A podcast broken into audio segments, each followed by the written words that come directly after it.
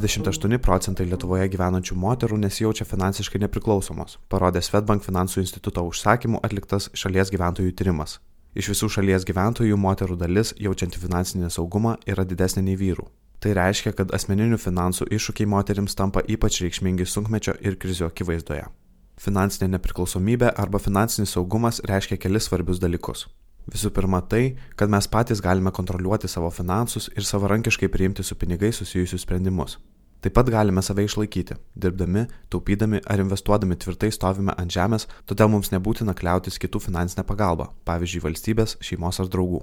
Galiausiai mes įgyjame žinių, kaip valdyti savo finansus ir šias žinias nuolat tobuliname. Vyrai medžioja maistą ir stato būstą, o moteris ruošia valgį ir augina vaikus. Toks arhainis vaidmenų pasiskirstimas šeimoje dar nėra išnykęs. Gyventojų tyrimas parodė, jog visada arba dažnai skalbia, valo ir kitaip prižiūri namų tvarką 88 procentai moterų ir 27 procentai vyrų. Vaikais rūpinasi atitinkamai 92 procentai moterų ir kas trečias vyras. Šie vaidmenys persikelia ir į finansų tvarkymą. Paklausus moterų, ar joms šiuo metu pavyktų savarankiškai pasirūpinti savimi ir vaikais, jei jų turi, beveik kas ketvirta moteris nurodė, kad to padaryti jį nesugebėtų. Stereotipinės namų vaidmenų taisyklės atspindi ir tai, kaip vyrai ir moteris nurodo norintys, kad jų partneris elgtųsi esant gerai šeimos finansiniai situacijai. Nors didžioji dalis mano, jog reikėtų derinti šeimos ir darbo reikalus, visgi 13 procentų vyrų pirmenybę teikia tam, kad jų žmona ar partnerė nedirbtų ir rūpintųsi namų ūkiu ir šeima. 14 procentų respondenčių moterų tokiu atveju taip pat mieliau nedirbtų ir prižiūrėtų namus. Remiantis statistiką, moteris Lietuvoje vidutiniškai vis dar uždirba mažiau nei vyrai. Atlyginimų atotrukis tarp vyrų ir moterų 2019 metais siekia 12,4 procentus. Be to, moterų yra mažiau vadovaujančiose pozicijose, jos yra rečiau paaukštinamos pareigose. Vaikų auginimas turi didelės įtakos moterų finansiniam saugumui, nes moteris tam skiria nemenka savo gyvenimo dalį. Taip sumažėja jų profesiniai veiklai skiriamas laikas, jos netenka dalies pajamų ir apsijima daugiau neapmokamų namų ruošos darbų.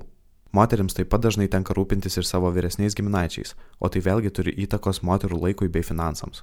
Šiuo metu vidutinė tikėtina moterų gyvenimo trukmė Lietuvoje yra 10 metų ilgesnė nei vyrų. Didesnė jų dalis pensinio amžiaus gali sulaukti būdamos vienos ir dėl stoktinio mirties, ir dėl savo asmeninio sprendimo ar skirybų. Panašu, kad moterys dažniau gali netekti pajamų arba patirti daugiau išlaidų dėl nuo jų nepriklausomų gyvenimo aplinkybių.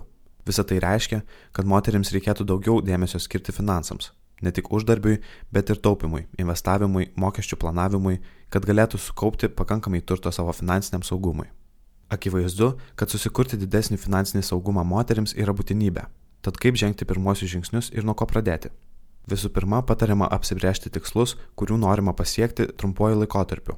Pavyzdžiui, tobulėti ir kelti savo profesinę kvalifikaciją.